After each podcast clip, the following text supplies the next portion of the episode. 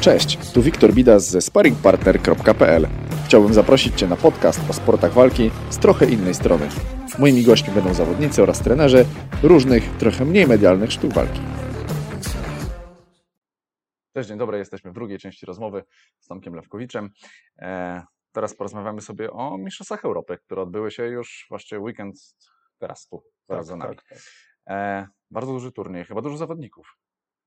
Bardzo dużo zawodników. Dużo, ale nie, nie powiem konkretnie ile, bo Nie, no nie bo wymagamy. Nie, nie, pamiętam jakie, jak dokładnie, ale no, to prawda, no, reprezentacja Uk- Ukrainy, która miała najwięcej zawodników, Mhm. to e, przywiozła chyba o jedną osobę mniej czy dwie niż maksymalny limit. Powiedzmy Mhm. tam na 75 możliwych zawodników do wystawienia wystawiła 74 bądź 3. E, Polska reprezentacja miała chyba około 60 paru zawodników, więc też dość dużo. No i później mm, inne reprezentacje tak, tak troszeczkę, troszeczkę mniej, ale no bardzo, bardzo dużo zawodników, duży turniej. Więc tak zupełnie ze statystyk. Em, Ukraina jako pierwsza w generalce 12 złotych medali, 15 srebrnych, 9 brązowych. Nieźle. Nieźle. Dobrze to wygląda. Jak mówisz, że przywieźli 70, tam kilku, kilka osób, a 36 zajęło miejsca. Szacun. A Ukraina zdominowała te, te mistrzostwa. Naprawdę mm, świetny poziom za, No. zaprezentowali. Miejsce drugie Polska. Ale to też Jeden z najlepszych nieźle. wyników. Dokładnie, ale e, zobacz, Polskiej Mamy reprezentacji. 8 złotych medali, 3 srebrne, 16 brązowych, e, 27 w sumie na 60 parę, 60 os parę osób startujących. Też bardzo dobry wynik. No. I tutaj jeszcze podpowiem, że e, nasz branch tutaj e, samodzielnie zdobył trzecie miejsce drużynowe. To jest też no, wielkim tutaj sukcesem Mhm. e, Warszawy, okolic tutaj naszego branchu. Więc, więc bardzo, Dobry bardzo wynik. udany start. Tak naprawdę więcej medali z, tych wszystkich przywiozła jeszcze Litwa, ale tylko 6 złotych, e, 11 srebrnych i 26 brązowych, co też jest mega wynikiem. Ale jestem ciekawy w ogóle, jak liczą te punkty w tej ogólnej generalce. Myślę, że jest to do sprawdzenia na Tak, tak, tak. Bo Technologii. 43 medale to znowu bardzo dużo, nie? Tak, no, Lit- Litwa przeważnie dominowała e, Mhm. europejskie turnieje. Tutaj e, trzecie miejsce. Faktycznie bardzo mocna kadra dużo zawodników się poprzybijało do tych półfinałów, no ale no, jak widać ze statystyki, no, większość została na, na, na, w tych No półfinałach, a, m, a inne kraje przeszły wyżej. Zgadza się. E, no by, by, było troszeczkę tych krajów. Tak, Było bardzo można coś dużo. wyróżnić, to jeszcze zawodnicy z Gruzji. Może nie mieli tak, tak licznej reprezentacji, ale A to oni byli wiek- e, na piątym miejscu. większość, większość Mhm. z tych zawodników bardzo mocno e, dominowała w, w kumite. E, Duża przewaga Mhm. fizyczna. Niektórzy mawiają, że oni są 5 lat do przodu, jeśli chodzi o rozwój fizyczny ciekawe niż, niż jest. reszta Europy. Bardzo mocni zawodnicy. To jeszcze w takim razie mieliśmy Węgry na czwartym Tak. miejscu, bo Gruzja była na piątym. I tutaj też bardzo, bardzo dużo, 23 medale. To całkiem dobry wynik. Tak, Węgrzy no, cały czas są na bardzo wysokim poziomie i to udowadniają wielu dobrych em, zawodników. Bułgarzy jeszcze są dalej na szóstym. No dobra, mam, moglibyśmy tak wymieniać jeszcze Tak, bardzo tak, długo. tak. Ale to Natomiast- gł- główne kraje, które tak, tak pamiętam właśnie z, z sędziowania, to, to właśnie do, do Bułgarów e, i jeszcze tam Hiszpania, myślę, że też miała parę, paru dobrych Tak, zawodników. To są właśnie te, te kraje, które, które gdzieś pojawiały się w półfinałach i w eliminacjach bardzo dobrze się e, prezentowali zawodnicy Mhm. e, z tych, z tych reprezentacji. A jeżeli mielibyśmy, by- mielibyśmy porozmawiać o poziomie zawodów, to generalnie było tak, że w tych pierwszych eliminacyjnych walkach były bardzo duże rozbieżności, jeżeli chodzi o poziom, czy generalnie Eee, zwarty? Więc tak, jeśli chodzi o, zacznijmy tak, tak od, od początku, od kata, od tego się zaczęły Mhm. e, rywalizacje w sobotę. E, Ja sędziowałem, mój skład sędziowski sędziował kata e, e, młodzieżowców, czyli U20. Mhm. Był całkiem nieźle, niezły poziom, e, nie było zbyt dużych dysproporcji, bardzo fajnie się zaprezentowali. Ciężko mi powiedzieć, jak było na innych matach, bo byłem sku- skupiony na, na, na, na, na, na, swoim, na swojej macie e, i konkurencji. Mm, Kumite też e, trafili mi się młodzieżowcy na, na głównej macie, a jeszcze wcześniej kadeci byli, przepraszam. Mhm. Kadeci, bo w sobotę rozegrały się, rozegrała się konkurencja kata U16, U18, U20. e, i kadeci kumite. Mm, No i kadeci całkiem nieźle.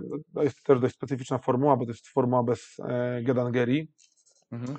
E, Trzy trafienia na głowę w lekkim kontakcie i przy kadetach e, bardzo mocno pilnowano, jest bardzo mocna, mocne nastawienie na to, żeby te kopnięcia faktycznie były lekkie, żeby nawet dość czyste, ale zbyt, gdzieś tak powiem, mocne trafienie, że było punktowane na faul, mimo że myślę, że gdzieś tutaj w kraju lokalnie byśmy to zaliczyli na Wazari, Mm, ale tutaj Europejska Komisja Sędziowska mocno podkreślała e, dbanie o zdrowie tych młodych zawodników, e, więc to było dość ciekawe. No i walka bez, bez low kicku, bez Gedangeri jest też specyficzna być w pancerzach?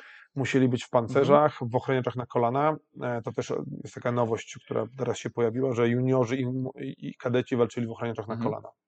E, Ale poziom był, był całkiem, całkiem nieźle, niezły.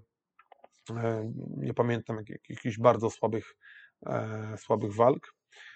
Drugiego dnia e, walczyli juniorzy i młodzieżowcy. Ja na swojej macie miałem młodzieżowców. E, Moim zdaniem poziom był wysoki, ogólny walk, bardzo fajni zawodnicy, no ale było dużo, dużo trafień na Wazari, dużo nokautów, e, co by sugerowało, że jednak były rozbieżności poziomów. Tylko też tak z rozmowami z, z innymi trenerami, z sędziami, ta kategoria młodzieżowców jest o tyle specyficzna, że po byciu juniorem, gdzie są tylko trzy techniki na głowę, w tym lekkim kontakcie, e, wchodzą od razu do seniorskich zasad i, i ten atak jest troszeczkę bardziej niebezpieczny niż, niż e, możliwości obrony. I, I myślę, że tutaj to było mm, niż takie doświadczenie w obronie, ogólnie mm, obrona i tutaj to było kluczowe, że zawsze ta kategoria młodzieżowców jest, jest obfita w, w jakieś takie mm, nokauty czy czyste trafienia. No i tutaj też tak było e, dużo, dużo trafień na Wazarina i Pon na, na, na głowę, na Czudan tak samo na, na na brzuch, więc działo się. Ogólnie działo się, każda runda gdzieś obfitowała w jakieś trafienia, w jakieś takie mocne, fajne walki. E, Ja jestem w ogóle fanem e, tych e, jakby, podzie, jakby podzielenia mm, tych startów takich zawodników, którzy dopiero wchodzą do tej takiej formuły seniorskiej, czyli powiedzmy mają skończone 18, 19, 20 lat, żeby nie, od razu nie do końca zderzali się z tymi takimi starymi wyjadaczami, którzy startują 10 lat w swoich Tak. kategoriach i to jest fajne, że mogą się tam rozwijać. Dokładnie. Tak jak teraz w, w EKO zostało to ścięte.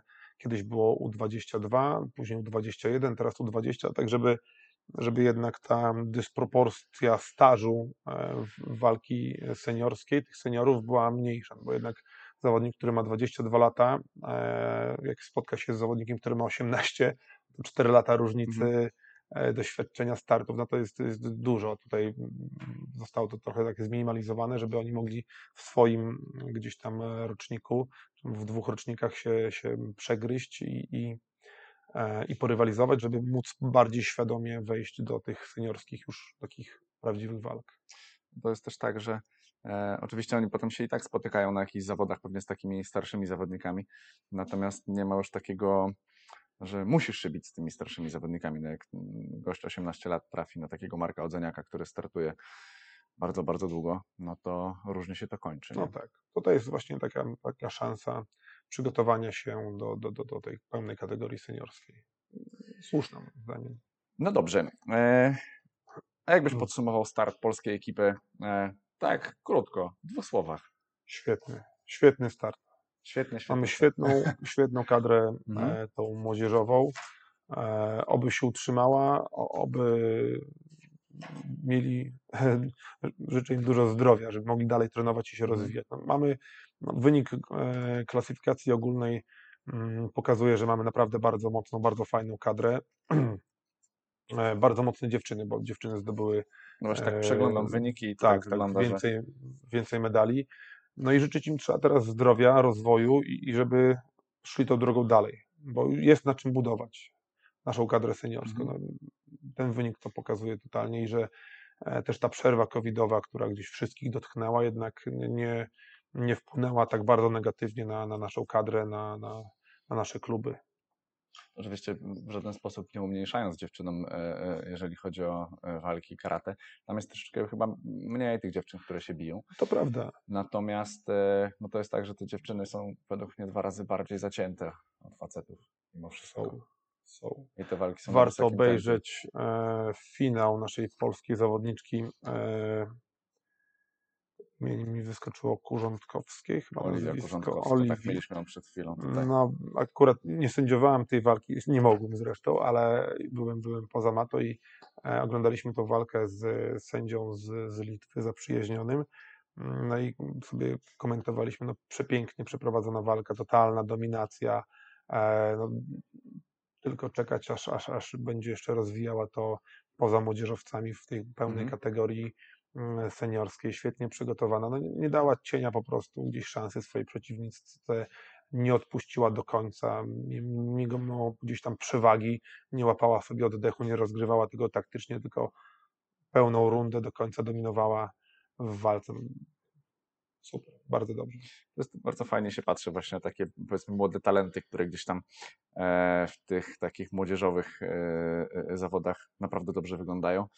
Co prawda nie wszyscy potem się przełamują na seniorskie starty i nie wszystkim to wychodzi, natomiast jednak jest taka tendencja, że tych zawodników coraz więcej wchodzi do seniorów z taką pewnością. I Tak, no tutaj też przykładem jest Kuba Pałaszewski, który jest świeżym seniorem i, i, może jeszcze fizycznie jeszcze nie nawiązuje tak, tak bardzo do tych, tych seniorów już takich doświadczonych, ale technicznie i tak dalej bez, bez żadnych kompleksów e, wchodzi i, i, i zdobywa co jego i bardzo fajnie się prezentuje. Myślę, że to jest kolejna taka kadra, która będzie gdzieś, gdzieś, gdzieś też się wgryzała w te, w te seniorskie kategorie i że będziemy, będziemy kiedyś bardzo dumni z tych zawodników. no to prawda, to jakby to, co właśnie powiedziałeś, że może ta siła czasu jest troszeczkę inna. No, ten E, rozwój jeszcze jest, ten wiek jeszcze nie pozwala na, na pełne osiągnięcie gdzieś tam możliwości fizycznych, to do, dopiero za parę lat gdzieś się ukształtuje. to, jest, to, jest, to jest normalne, ale no jednak, jednak tutaj ci młodzi zawodnicy pokazują, że potrafią też nawiązać e, równą, fajną walkę z, e, z seniorami. Może nie, do- jeszcze nie udaje im się zawsze wygrywać, ale nawiązują jednak do, do, do Stawiają opór. tak, stawiają mocny opór i, i, i nie odpuszczają. E, Dobrze, rozmawialiśmy na temat właśnie tych knockoutu, zresztą uraczyłeś nas historią a propos, jak tylko weszliśmy, a propos takiego mocno, mocnego knockoutu na Tak. Mistrzostwach Europy. trafiło mi się e, sędziowanie jako sędzia e, maty, e, jeden z finałów U- U20. E, no i okaz- trafił się naj, najmocniejszy knockout tych mistrzostw. Mm, Jeden zawodnik został trafiony kopnięciem obrotowym na głowę, mm, znokautowany, stracił przytomność, dodatkowo jeszcze dostał skurczu ciała, wygięły mu się tak nienaturalnie ręce, palce, lekko nogi. Eee, No, wyglądało to tak mocno, mocno nieprzyjemnie. Widziałem już, już kilka knockoutów jak, jako sędzia, ale, ale to zrobiło na mnie takie mocne wrażenie. Mm, Tak. Mm, No, zawodnik nie odzyskał przytomności na macie. Został, został e, zniesiony z maty. Tam po, po parunastu minutach odzyskał przytomność e, na szczęście i mam nadzieję, że wszystko jest z nim dobrze, ale mm, no, trafienie było bardzo, bardzo mocne i, i, i knockout był, był ciężki. A to było nie na był jakimś takim to- wczesnym etapie eliminacyjnym, czy To był finał. finał? To był finał. E, 20-30 sekunda walki, tak mi się wydaje, że, że, że, że to było gdzieś, gdzieś na początku walki i to był finał, tak. Akurat udało mi się sędziować finały i, jeszcze być na środku i, dodatkowo trafiła się ta walka. A w kolejnej walce, jak już byłem, zszedłem, bo się cały czas zmienialiśmy tutaj z sędziami mm, na, na, na, środku, zszedłem i byłem sędzią bocznym, to kolejna walka to też było i pon kolanem na głowę, więc trafiały się te, te, te nokauty dość często, mimo że to już były finały i zdawałoby się, że to są najlepsi ci zawodnicy i już nie dadzą tak łatwo się ucelować, ale tak jak wcześniej rozmawialiśmy, czasami ten e, poziom e, ataku jest ciut wyżej niż jeszcze reakcja obronna. No tak, ale z drugiej strony oczywiście na tym poziomie jakby trudno jest trafić, ale z drugiej strony jakby ci zawodnicy są na tyle technicznie sprawni, e, że no mają swoje myczki i swoje techniki, które mogą Tak, zaskoczyć. te mistrzostwa też pokazały, że e, ci, ci zawodnicy U20 nie mają żadnych ograniczeń technicznych. e, Jedni zawodnicy przeważali w ciosach, drudzy kolanami, trzeci mieli kopnięcie okrężne na głowę. e, To były, pojawiały się kajteny, pojawiało się kagatoroshi. No, pełen wachlarz technik e, prowadzących do, do wazarii i pon. Mhm. No Kakato, to kurczę, jakby już dawno nie, widzi, nie widzieliśmy na turniejach. Zawodniczka z bodajże Ukrainy w finale, w finale albo w półfinale ucelowała, ucelowała takim kakato. Pierwsze, były dwa kakato w tej rundzie. Pierwsze kakato gdzieś się tak tylko lekko za, za, zahaczyło głowę, a drugie kakato trafiło w cel. Na początku zawodniczka nie zareagowała na to trafienie. Dopiero po chwili złapała się za głowę, usiadła i doszło do niej to, to trafienie, żeby najpierw ta, ta adre- adrenalina nie Ja pozwoliła. chyba widziałem to. Tak, ta rzeczywiście, no. adrenalina nie pozwoliła zareagować, a, a później, e, później po chwili trz- m, jakby po, poczuła to trafienie. Nie wiem, czy ta zawodniczka e, przypadkiem z Ukrainy wcześniej jeszcze nie miała mm, ponu na Domawashi Kaitengeri. Mhm. E, Tak mi się wydaje. To już nie, nie walczyła na mojej macie, ale, ale tak mi się wydaje, że jeszcze miała takie, takie trafienia w, w, w walkach poprzednich. No, czasem się rzeczywiście spotyka takie opóźnione nokauty, e, które na początku nic nie jest, a za sekundę się Tak, wyłącza. tak, tak, tak. Dzieją się takie rzeczy. E, Dobrze to wygląda. Jak przeglądam cały czas te wyniki i tak naprawdę na każdej stronie mam jakiegoś e, Polaka, Polkę, który coś gdzieś zdobył. Tak, właśnie na każdej stronie. E, także bardzo, bardzo fajnie to wygląda i przewijają się właśnie te nazwiska, które też się pojawiały na e, Kokoro Cup. E, fajnie, bardzo dobrze, bo ja znowu też mam wrażenie, że ten poziom karate w Polsce z roku na rok coraz bardziej rośnie. W Europie i na świecie tak samo, ale jakby na naszym podwórku jest naprawdę Tak, coraz myślę, lepiej. myślę, że jest coraz większa specjalizacja. Trenerzy są coraz lepiej e, wyszkoleni, więc mają lepsze podejście do tych zawodników, mimo powiedzmy no, trudnych czasów, e, jeśli chodzi o sport, bo jednak tak młodzież e, nie zawsze jest taka chętna, żeby, żeby tak bardzo się poświęcać e, wysiłkowi fizycznemu. Mm, No i udaje się właśnie zbudować coś, coś, coś dobrego, coś fajnego i, widać, że to przynosi rezultaty, że cały czas te karate idzie, idzie do góry, młodzi zawodnicy się rozwijają i, i właśnie trzymajmy kciuki za nich, za ich zdrowie, e, za kolejny rozwój, no widać, że mam na czym budować, to jest, to jest świetne. Mamy na czym budować i zdecydowanie też jest tak, że tych zawodników zaczyna się robić coraz więcej, ale z drugiej strony e, to karate chyba jest takim sposobem na taką karierę zawodnika długowieczną i to nie jest tak, że sko- musisz skończyć karierę w wieku 24 lat, bo to już właściwie nic dalej ci nie spotka dobrego. Nie, myślę, że mają zawodnicy e, dłuższą perspektywę teraz, przez to, że właśnie wszystko się rozwija, e, to też są możliwości właśnie utrzymania tego trybu sportowca, będąc na studiach, czy później pracując już regularnie gdzieś w pracy, co, co, co jeszcze wcześniej było bardzo, bardzo trudne, no bo jednak mm, tak jak tutaj są zawodnicy, którzy jeszcze albo zaczynają dopiero studia, albo zaraz będą zaczynać, to jest ten okres studiów dość Mhm. zawsze trudny dla takiego zawodnika, no bo otwierają się inne możliwości, inny trochę tryb, tryb życia. Niektórzy zostają w karate, niektórzy gdzieś tam na chwilę odpadają albo totalnie odpadają. Drugim takim przełomowym gdzieś momentem jest właśnie koniec studiów i już rozpoczęcie już gdzieś tam pracy, m, jakieś założenie rodziny i to też wtedy mm, nie jest takie łatwe do pogodzenia i też trzeba to fajnie tym zarządzać.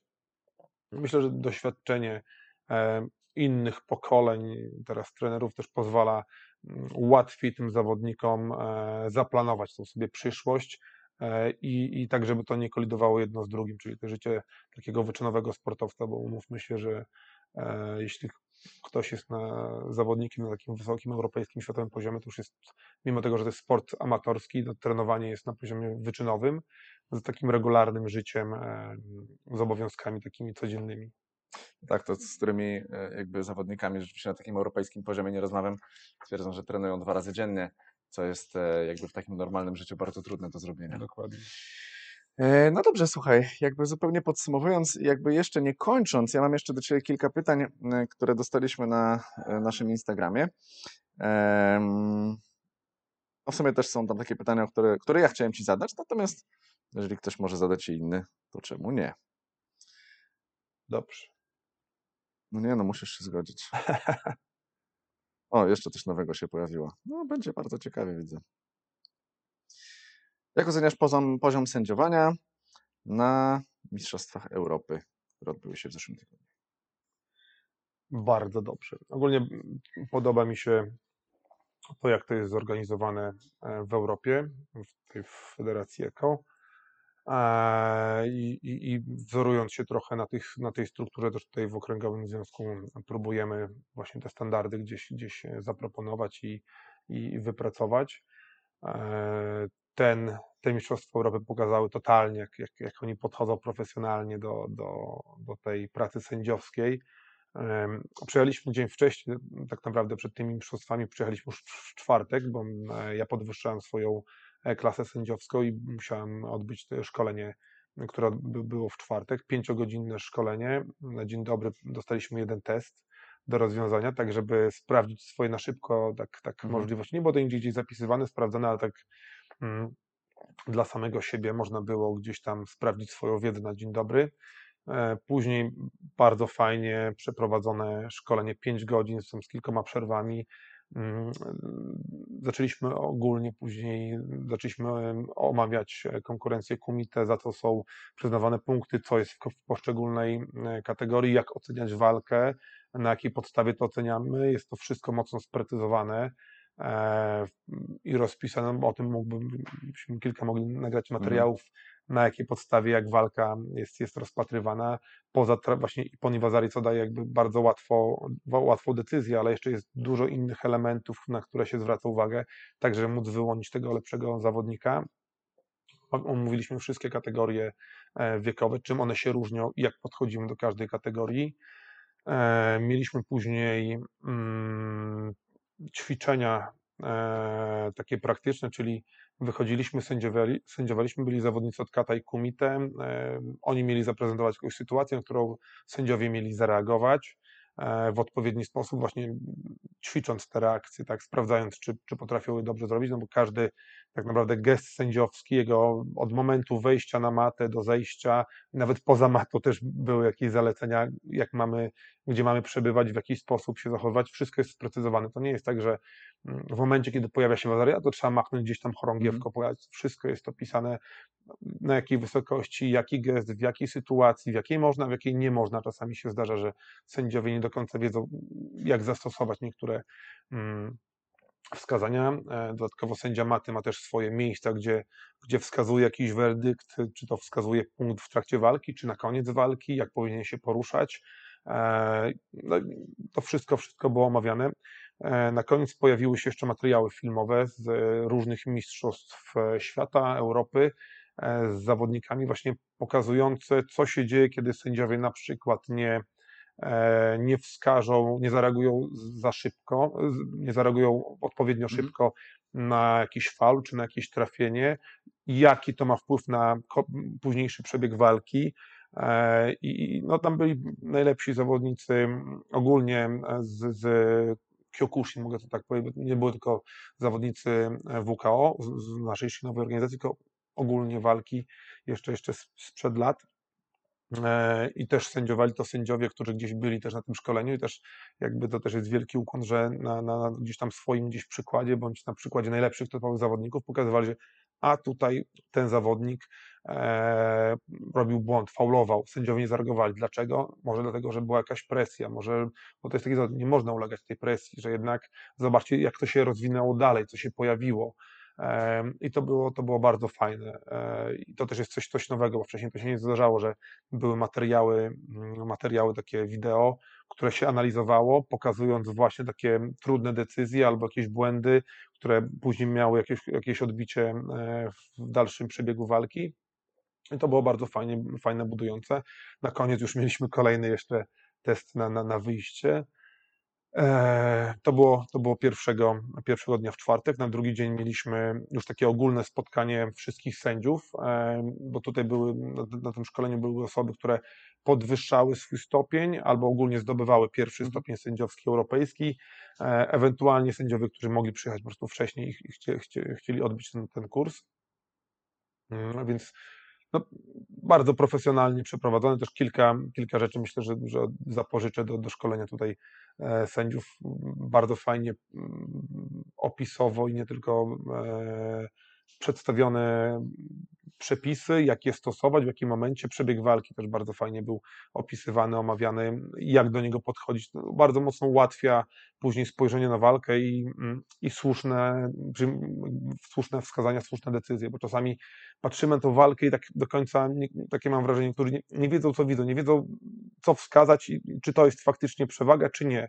A tutaj tak dostają po prostu, po takim szkoleniu dostaje się takie narzędzia mm, do, do obserwacji do wyciągania wniosków, e, tylko później praktyka i, i zapamiętanie tego i sprawia, że, że naprawdę można dobrze przesędziować i słusznie, sprawiedliwie tą walkę.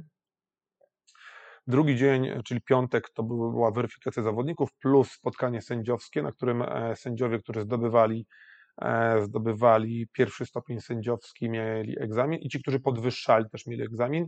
E, No, to też było coś nowego. Wcześniej były takie pisemne egzaminy, mm, paręnaście, parędziesiąt pytań. Teraz mm, ja miałem przez to, że podwyższałem na, na klasę e, B sędziowską, jest klasa C, B, A. E, Klasa C to są sędziowie, którzy mogą być bocznymi sędziami, ewentualnie sędzią Hossa, który Mhm. tam sprawdza zawodników. Klasa B już umożliwia sędziowanie na środku maty. Klasa A e, jest to sędzia, który może być e, szefem składu sędziowskiego albo superwajzorem, czyli szefem danej maty, która może mieć pod sobą kilka, kilka składów sędziowskich. E, No i na klasę B i A jest ten sam egzamin. Z części kumite miałem 73 pytania, z czego pytania były ABC, prawda, fałsz i z materiałów filmowych. Na zasadzie 58 sekundzie była taka taka sytuacja, czy sędzia powinien wskazać Wazari, czy to powinien być faul, czy coś tam innego, tak? Ta i ta e, minuta walki, czy zawodnik e, mógł zrobić e, to, co zrobił, tak dalej, bo sytuacja była mm, dość, dość trudna, czy sędzia popełnił w tym momencie błąd, czy coś innego, więc e, no, były, były naprawdę wymagające mm, e, te, te pytania, ten test i z części kata na tej samej zasadzie odpowiedzi ABC, prawda, fałsz i materiał filmowy, Mhm. 35 pytań. Czyli te osoby, które zdawały na pierwszy stopień miały jedną trzecią tych pytań, no, znacznie mniej, ale już ja miałem ten pełny test, godzinę spędziłem na telefonie, jakby kli- klikając wszystko, sprawdzając, bo było to e, zdalnie przeprowadzane. E, Więc bardzo fajnie, bardzo wymagające.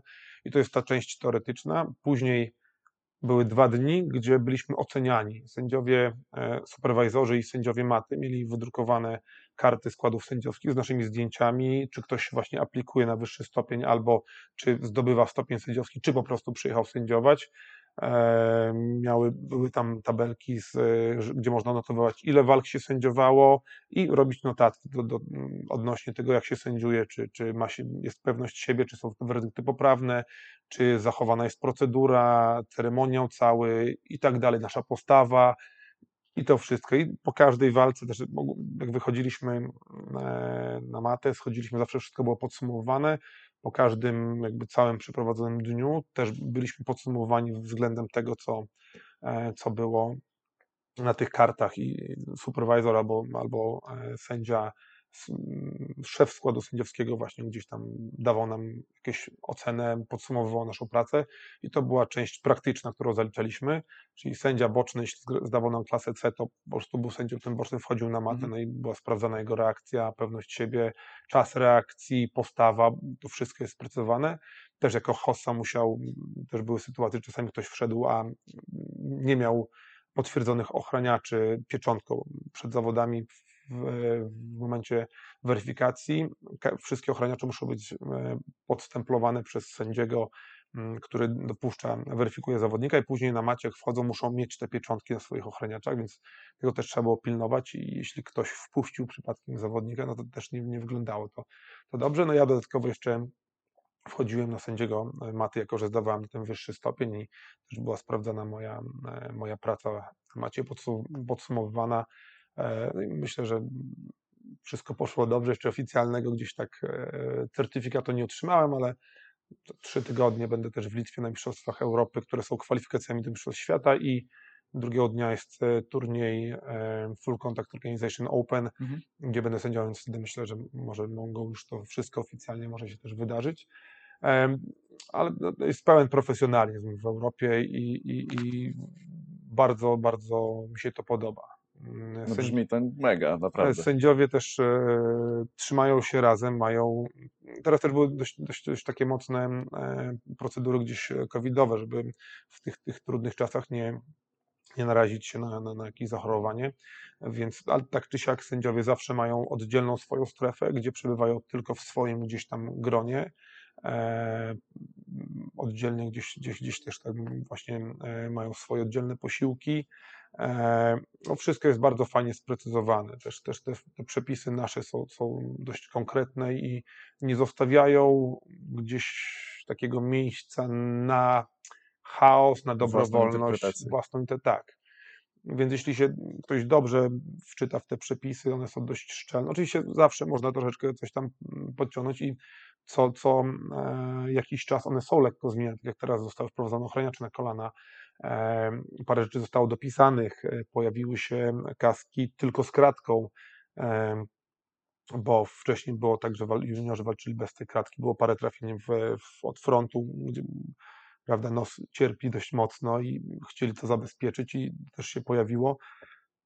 Mm, To trochę ewoluuje. Dodatkowo powstała też strona e, Eco Referees, gdzie sędziowie europejscy rejestrują się, mają swój profil, na którym widać kto, gdzie, ile sędziuje, jaki ma stopień sędziowski, e, od jakiego czasu sędziuje. Dostaje, będzie dostało wszystkie powiad- powiadomienia o jakichś szkoleniach, o, o, o zawodach, więc też to poszło tak, Mhm. mm, że tak powiem, do, do przodu, że będzie totalny taki kontakt sędziów europejskich ze sobą, więc, no więc no, bardzo, bardzo profesjonalnie, bardzo fajnie.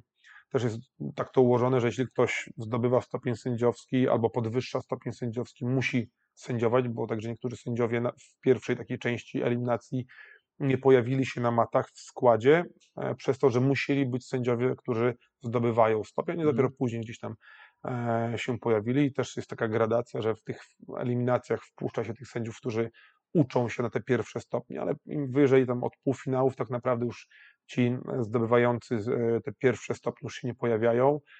Natomiast na, na finały pojawiają się sędziowie z klasą tylko A, ewentualnie no, mi się udało z klasą B, zdobywając tą klasę B, też wejść do składu. Em, Zostałem zaproszony po, jakby na podsumowanie całej mojej pracy, też udało mi się po- posędziować jako e, sędzia główny maty, co było dużym wyróżnieniem, bo tak jak mówię, tylko sędziowie z klasą A i to tacy naprawdę doświadczeni weszli na te finały, a wcześniej w półfinałach też już im wyższy poziom rywalizacji, tym mm, ci sędziowie są lekko z niższym stopniem, z Mhm. mniejszym doświadczeniem, bądź którzy gdzieś popełnili mm, jakieś no, no, błędy, gdzieś zostają troszeczkę już, już tak trosze, e, gdzieś, gdzieś poza, tak żeby jak najwyższy poziom tych sędziów e, sędziował. Więc to jest dość konkretna, e, konkretna praca i kon, konkretne gdzieś e, pilnowanie, co, co sprawia, że te werdykty mm, są, są naprawdę niezłe. No i też myślę, że bywasz na zawodach w Polsce różnie e, jakby z tą kontrolą sędziowską bywa. Tak tutaj faktycznie ci sędziowie, którzy są szefami składu bądź szefami maty, no, każdego z sędziów zapamiętują, mają coś odnotowane i później dają no, na koniec zawodów zawsze zwroty. Po każdym turnieju albo po każdym dniu e, sędziowania dostałem, dostawałem zwroty od swoich e, superwajzorów, czyli od szefów e, Mhm. maty bądź od szefów składu, co było dobrze, co jest do poprawy, co mm, fajne. Później właśnie zaproszenie na dalszą część sędziowania, czyli półfinały, finały, to też jest jakiś, jakiś taki e, gest docenienia e, pracy, więc no, nie ma tak, że ktoś jest szefem składu, ale gdzieś tam pije sobie kawkę i jak coś się wydarzy skrajnego, a no dobra, to idę coś tam im podpowiedzieć, co się wydarzyło. To totalnie kontrolują to, to jest ich praca i oni się na tym skupiają. Nie, nie przemieszczają się między trenerami, zawodnikami, że gdzieś tam znikają. Cały czas są przy macie w odpowiedniej strefie i skupiają się tylko na tym. To jest, to, to jest bardzo, bardzo dobre i myślę, że w tą stronę też trzeba iść. Powiem Ci, że jakby wysłuchując tego wszystkiego, co powiedziałeś, e, to w ogóle brzmi abstrakcyjne pod względem jakby powiedzmy sędziowania w Polsce turniej, których ja w ogóle strasznie nie lubię, mnie to irytuje i zawsze wychodzę zdenerwowany z turniej poziomu sędziowania. Nie wszędzie, ale jakby jednak bardzo często. E, No, brzmi to super i w ogóle nie brzmi jak to by było, jakbyśmy rozmawiali o sędziowaniu karate, nie? E, Także fajnie, fajnie słyszeć, że takie rzeczy Myślę, że te dzieją. standardy powoli, powoli będziemy wprowadzać mm, do, do, do kraju. To na razie- dawaj nagramy taki ten poradnik młodego sędziego. Proszę bardzo, Ej, to byłoby z super. no. przyjemnością. Myślę, że 90% sędziów mogłoby z tego wyciągnąć bardzo dużo, nawet tych z dużym stażem. No, to staż jakby, tutaj też jest fajne, to, to jeszcze o tym nie wspomniałem, e, jeśli ma się nawet klasę sędziowską A, czyli Mhm. to jest najwyższa klasa, co 4 lata trzeba odnawiać licencję, czyli co 4 lata trzeba zdawać egzamin, ten, który ja na przykład teraz zdawałem, 108 pytań i te pytania naprawdę, to wszystko jest po angielsku, i to nie są takie pytania, że pojawia się jakieś hasło, to już wiadomo, co się zaznacza, po Mhm. prostu pojawiło się hasło. Tylko faktycznie trzeba było wczytać się w pytanie, zrozumieć, co autor miał na myśli w tym pytaniu, żeby odpowiedzieć konkretnie, bo to nie było takie pytanie takie bezpośrednie i odpowiedzi były dwie z, inne, z innej galaktyki, jedna tylko w miarę rozsądna, poprawna, tylko one potrafiły być blisko, albo w odpowiedziach potrafiło być, być jedno podchwytliwe gdzieś, gdzieś tam stwierdzenie, więc naprawdę trzeba było się skupić i, i to było naprawdę świetne. Uważam, że to jest świetne, że to nie powinno być tak, że ktoś przyjeżdża, chce sędziować, to już za samą chęć daje mu się tą możliwość e, sędziowania, Mhm. tylko faktycznie dochodzi do tej pełnej weryfikacji, mm, do weryfikacji e, sędziego, Umiejętności, umiejętności, ale też jest to cudowne, że ci e, Komisja Sędziowska Europejska oraz ci, którzy później są tymi sędziami maty czy składu sędziowskiego, są ludzie e, tak wysokim poziomie kultury osobistej, że niezależnie od tego, czy ktoś popełni jakiś mocny błąd, lekki błąd, oni wszystko to robią bardzo spokojnie, kulturalnie, tłumacząc i próbując wyjaśnić, dlaczego popełniliśmy błąd, co powinniśmy wskazać, sugerując nam e, rozwiązania i dając nam narzędzia do tego, jak spojrzeć na tą samą sytuację jeszcze raz, tak żeby nie popełnić tego błędu. Więc to nie jest mm, takie emocjonalne podejście, jakie gdzieś zdarza się na, na, na, na polskich turniejach. E, no, daje możliwość rozwinięcia się, a nie raczej takiego zamknięcia się albo po prostu ataku, tak?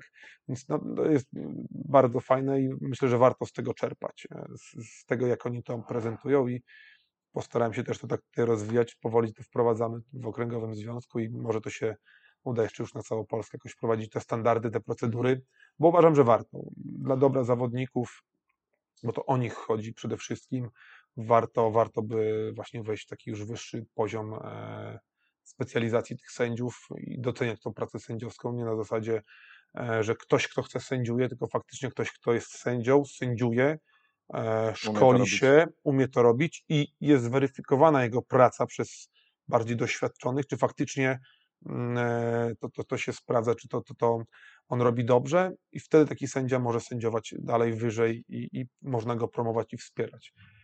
Trochę, trochę mamy do, do, do e, poprawienia, ale to już powoli dzieje się. To już staramy się nad tym powoli pracować i Zapisuję na liście filmów do nagrania. Poradnik sędziego. Spodziewajcie Jeszcze się jedna rzecz, muszę- muszę to dorzucić. E, To, to też jest cudowne moim zdaniem i, i gdzieś w niektórych regionach Polski to się też powoli już zaczyna dziać. Nieważny jest stopień na pasie Mhm. sędziego, który sędziuje, tylko właśnie jego doświadczenie. Są sędziowie, którzy e, są w komisji sędziowskiej z trzecim danem i są w komisji sędziowskiej, zarządzają wszystkim, e, a są, są e, sędziowie z piątym, szóstym danem Shihani, którzy mają klasę C, mają klasę B, ale sędziują tak po prostu Mhm. nie cały czas jako, jako gdzieś tam główni, tylko wchodzą, zmieniają się. Jednakże liczy się ta, ta profesjonalność w sędziowaniu, a nie czarny pas, który się ma. No, czarny pas to jest jakby odzwierciedlenie tego, co odzwierciedla czarny pas i, i to jest świetne, ale Mhm. jednak sędziowanie no to jest Osobny twór. Dokładnie, a czasami w Polsce to się zaciera, że mamy, myślę, że też masz takie obserwacje, że czasami to stopień definiuje, kto sędziuje na macie. Ja się spotkałem nie, Zdecydowanie jest tak zawsze. nieraz, nieraz z taką sytuacją jeszcze parę lat temu, że posiadając stopień pierwszy dan, drugi dan, gdzieś nie byłem wpisany do składów sędziowskich albo, albo gdzieś byłem na szarym bardzo końcu i e, mimo tego, że cały czas byłem już, już sędziowałem ileś tam lat i pojawiałem się na wszystkich zawodach i ze zwrotu jakby tego, jak, jaką, jak sędziowałem, wychodziło, że całkiem nieźle sobie radzę. To nie pojawiałem się gdzieś w tych składach, musiałem gdzieś tam się wgryzać, pracować nad tym, żeby gdzieś tam pojawić się, bo okazało się, że przyjechał mm, tak przysłowiowy pan Krzysiek, który był 10 lat temu ostatni raz na zawodach, ale ma czwartego dana gdzieś zdobytego, no i on musi, musi być na macie, bo jest ten dan. A, a okazało się niestety, że no, sędzia w ogóle nie znał procedur, nie znał, mm, nie znał jakby, no, aktualnych procedur po przepisów, prostu, nie? przepisów i, i nie wiedział, co zrobić. Stanął na środku maty i, i wydarzyło się jakiś faul, czy, coś, czy jakaś inna sytuacja, nie wiedział, co zrobić, nie wiedział, jak wy, co wyliczyć, komu przyznać punkt, czy, czy komu jakąś tam nadać karę albo upo- upomnieć zawodnika, więc Powiem Ci więcej, ja e, zawsze przy, jakby przytaczam taką historię a propos sędziowania. Ja generalnie w ogóle lubię sędziować, natomiast jak gdzieś tam sobie sędziuję na środku, na takich mniejszych zawodach i e, bywały takie momenty, w których jakiś sensei, okej, może starszy stopniem, e, drugi, czwa- trzeci, czwarty dan, e, natomiast starszy wiekiem, był w stanie w trakcie walki podważać mój autorytet jako sędziego, wiesz, głównego na macie, mimo że totalnie nie miał racji. Jego opinia nie odzwierciedlała tego, co się dzieje na macie. I to są w ogóle na maksa irytujące sytuacje. A przede wszystkim działo się to przez to, że byłem zdecydowanie młodszy od niego, nie? No. Także dzieje się. też przepisy tutaj w Polsce, może inaczej, Polskiego Związku Karate i niektórych organizacji e, nie dają bezpieczeństwa sędziom. W niektórych organizacjach, już tak mówiąc globalnie i na przykład w naszej europejskiej organizacji, e, wszystko jest jakby w miarę przemyślane i reakcje na przykład trenera też są opisane. Jeśli trener zachowuje się nieetycznie, krzyczy, nie- czy podważa, właśnie czy zwraca się do sędziów w jakiś sposób niekontrolowany, no to są, e, są sędziowie HOSA, którzy mają, ma, ma, mają uspokoić tego trenera. Jeśli to nie, nie przynosi rezultatu, można ukarać albo zdyskwalifikować zawodnika za Mhm. zachowanie trenera, bądź usunąć trenera e, poza strefę walki, czyli poza tę no, ogrodzoną strefę gdzieś tych mat e, i on już nie będzie e, sędziował, e, przepraszam, nie sędziował, Sekundował. tylko sekundował, więc dają bezpieczeństwo sędziom. No, najgorsze werdykty są w momencie, kiedy sędzia jest pod wiel- wie- Tak, dużą tak, tak. presją i e, to ta, powinna być, gdzie niegdzie bywa procedura właśnie jak zgłasza się protesty, e, w jaki sposób one mogą być e, przeprowadzone, jaka jest procedura, kiedy jest protest albo jest sytuacja nieczysta, kto z kim rozmawia, kto się naradza, e, czy sekundant może rozmawiać ze składem sędziowskim, czy nie, bo nie powinien, może rozmawiać z e, sędzią głównym, tam się zgłasza protest, sędzia rozmawia główny z albo supervisor, albo sędzia składu z, z sędziami, oni omawiają, to co mówią dopiero jest przekazywane, a nie, że e, trener ma wpływ jakiś na sędziów, bo to tylko, tylko kończy się źle. Mm, No, ale ja miałem bardzo dużo różnych sytuacji gdzieś na, na, na matach w Polsce i e, myślę, że one jeszcze, jeszcze będą gdzieś czasami się pojawiały, gdzie nie gdzie. Zależy od też przepisów. No i też przepisy są trochę nie, nie wszędzie są takie jasne i, i szczelne. To nie jest zbyt e, trudne, żeby to zrobić, no bo jakby można korzystając z doświadczenia i sędziów, i trenerów, uszczelnić niektóre przepisy, normy i tak, żeby wszyscy byli zadowoleni. E, no, Kwestia, kwestia dobrej woli takiego profesjonalnego podejścia do, do tematu i jakiegoś takiego rzetelnego szkolenia. E, Tutaj no, mnie też urzekło parę lat temu Mistrzostwa e, Europy Open i juniorów e, w Budapeszcie, gdzie było tak samo wielkie szkolenie przed, europejskie przed, przed zawodami. No, Wielka sala konferencyjna, myślę, że tam około 90 sędziów, już nie pamiętam, bardzo dużo tych było sędziów. Dużo było z szóstymi, piątymi danami. No, znałem z treningów tych, tych szichanów, sensejów, wszyscy równo siedzieli, słuchali, odpowiadali, rozmawiali, omawiali kwestie sędziowskie. Później podzieliliśmy się chyba na 8 składów, czy na, na 6, chyba 8 składów sędziowskich, gdzie wszyscy, niezależnie od stopnia swojego sędziowskiego, stopnia cz- czarnego pasa, e, wszyscy ćwiczyli procedury, ćwiczyli wskazania, poprawiali, ćwiczyli sytuacje. I to uważam je- jest bardzo cenne i, i, i też e, coś, na czym możemy się wzorować, że niezależnie od tego, jaki się stopień ma na, na pasie, jeśli chodzi o tą kwestię sędziowską, trzeba do tego podchodzić profesjonalnie, wszystko odświeżać. My w większości wiemy, jakbym się spytał jakichś nawet młodych sędziów, co w tej sytuacji, to to i to, ale później to się dzieje na macie, taka sytuacja Mhm. i sędzia, co mam wskazać, coś tam, bo nie ma tej pewności, to jest trochę tak jak z kata. Jak już się przerobiło wszystkie te kata, tak naprawdę one są gdzieś w nas, ale żeby tak w jednej chwili hop, zrobić jakieś wysokie kata, to jednak a, może na razie sobie luźno przećwiczę, a Mhm. później zrobię tak na przykład jak na zawody. E, Więc to jest to samo, te wszystkie procedury, wskazania, gestykulacja, każdy wie, jak to powinno wyglądać, ale trzeba to ćwiczyć, żeby później na zawodach też mieć pewność w wykonaniu. Tak Takie jak z przekonanie, że ma się rację, nie?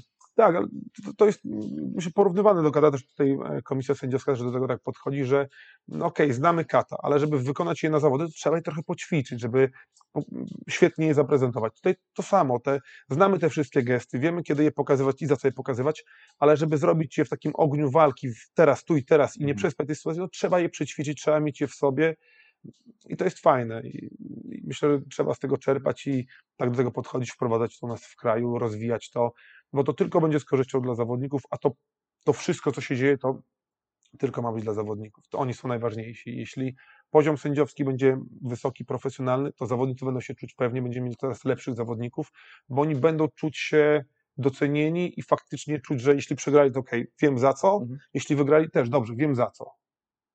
A nie takie sytuacje, że a tutaj wygrałem, ale czy na pewno przegrałem, ale kurczę, przegrałem, a wydawało mi się, że wygry, wygrywałem, a tutaj było to źle, nie wiem, pokazane i, i jest dużo niejasności. Wtedy trochę spalamy takich zawodników, a zamiast budować, budować im e, dobre struktury, żeby mogli się rozwijać i później wgryzać się w Europę i w świat. Podsumowując, jak oceniasz poziom sędziowania? Bardzo dobry. Genialnie. Pytanie numer dwa od tych osób, które nas oglądały. Co Sensei myśli o mistrzu Europy Artemie? Pozdrawiam. Oczywiście Artem zadał to pytanie. Siła, jaką mijałem się z nim, jest dobrym koksem. Tak się je podsumował i też mogę takiego podsumować. Zresztą omówiliśmy, omówiliśmy jego, jego walkę półfinałową i finałową. Akurat sędziowałem te walki, jako że reprezentował Ukrainę, mimo że trenuję w Polsce, mogłem sędziować te, te walki. Bardzo fajnie przełamał zawodnika z Litwy, który no, ma świetne parametry na, e, na, na przyszłość w kategorii otwartej i później zawodnika z Ukrainy też fajnie e, zdominował i mm, też prze, prze, przełamał, pokazał, pokazał swoją dominację. Super. Oby tak dalej. Że pozdrawiam. Pozdrawiamy. Czy bycie sędzią, sędzią wiąże się z presją? Tak. Krótko zwięźli na temat. No i teraz są w ogóle dwa moje ulubione, nie już teraz mam trzy ulubione, ale dwa są takie same. Czy zawsze był prymusem? Pozdrawiam Martę Lubos. Mylisz się. Znaczy Marta też zadała takie No, no, pytanie, ale Marta zapytała, jak to jest być prymusem, Jak to jest być prymusem? ale e, Agata Winiarska zapytała, czy zawsze był prymusem. Nie. Zależy w jakiej kwestii. A jak to jest być prymusem? Dobrze. Czuję się dobrze, dziękuję. Pozdrawiam dziewczyny. No dobra, poczekaj. I ostatnie. Jak to robi, że cały czas wygląda jak młodzieniec? Uuu. Trenuję karate. Dużo karate jest dobrze. Patryk Kostrzewa, pozdrawiamy. No cóż, także mm, bardzo dziękuję. E, Przede wszystkim dziękuję, że w ogóle pogadaliśmy o tym sędziowaniu, bo to wydaje mi się bardzo być ciekawe.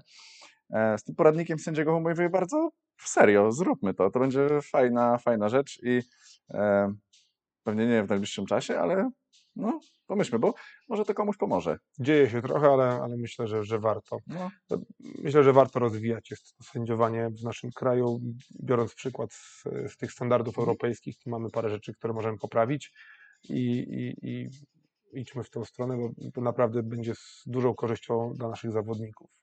Na to oni, oni są najważniejsi jeśli będą mieli poczucie takiego dobrego sędziowania, to będą mogli się lepiej rozwijać moim zdaniem, a odwrotnie też pamiętam ze swoich startów, kiedy gdzieś miałem jakieś walki, werdykty były takie dość kontrowersyjne, nie czułem się w nich pewnie i też inni dookoła też nie, nie czuli jakby, jakby słuszności danych werdyktów, to trochę to spala zawodników i mm, trener później musi dość dużo, tak teraz też jako trener mam, mam takie sytuacje, dużo później pracy takiej jest trenerskiej, żeby odkręcić tą złą energię w takim zawodniku i znowu zmobilizować go do, do trenowania, do tej radości, do tych poświęceń. A W momencie, oczywiście błędy się zdarzają, jak- wszędzie, ale w momencie wysokiego standardu gdzieś oceny walki, ten zawodnik mimo przegranej walki nie, nie będzie czuł się pokrzywdzony, będzie dalej chciał pracować, będzie dalej zm- zmotywowany. Nie będzie trzeba dokładać tej kolejnej takiej pracy nad tym, żeby gdzieś przełamać tą, tą złą energię. Więc myślę, że to jest bardzo ważne.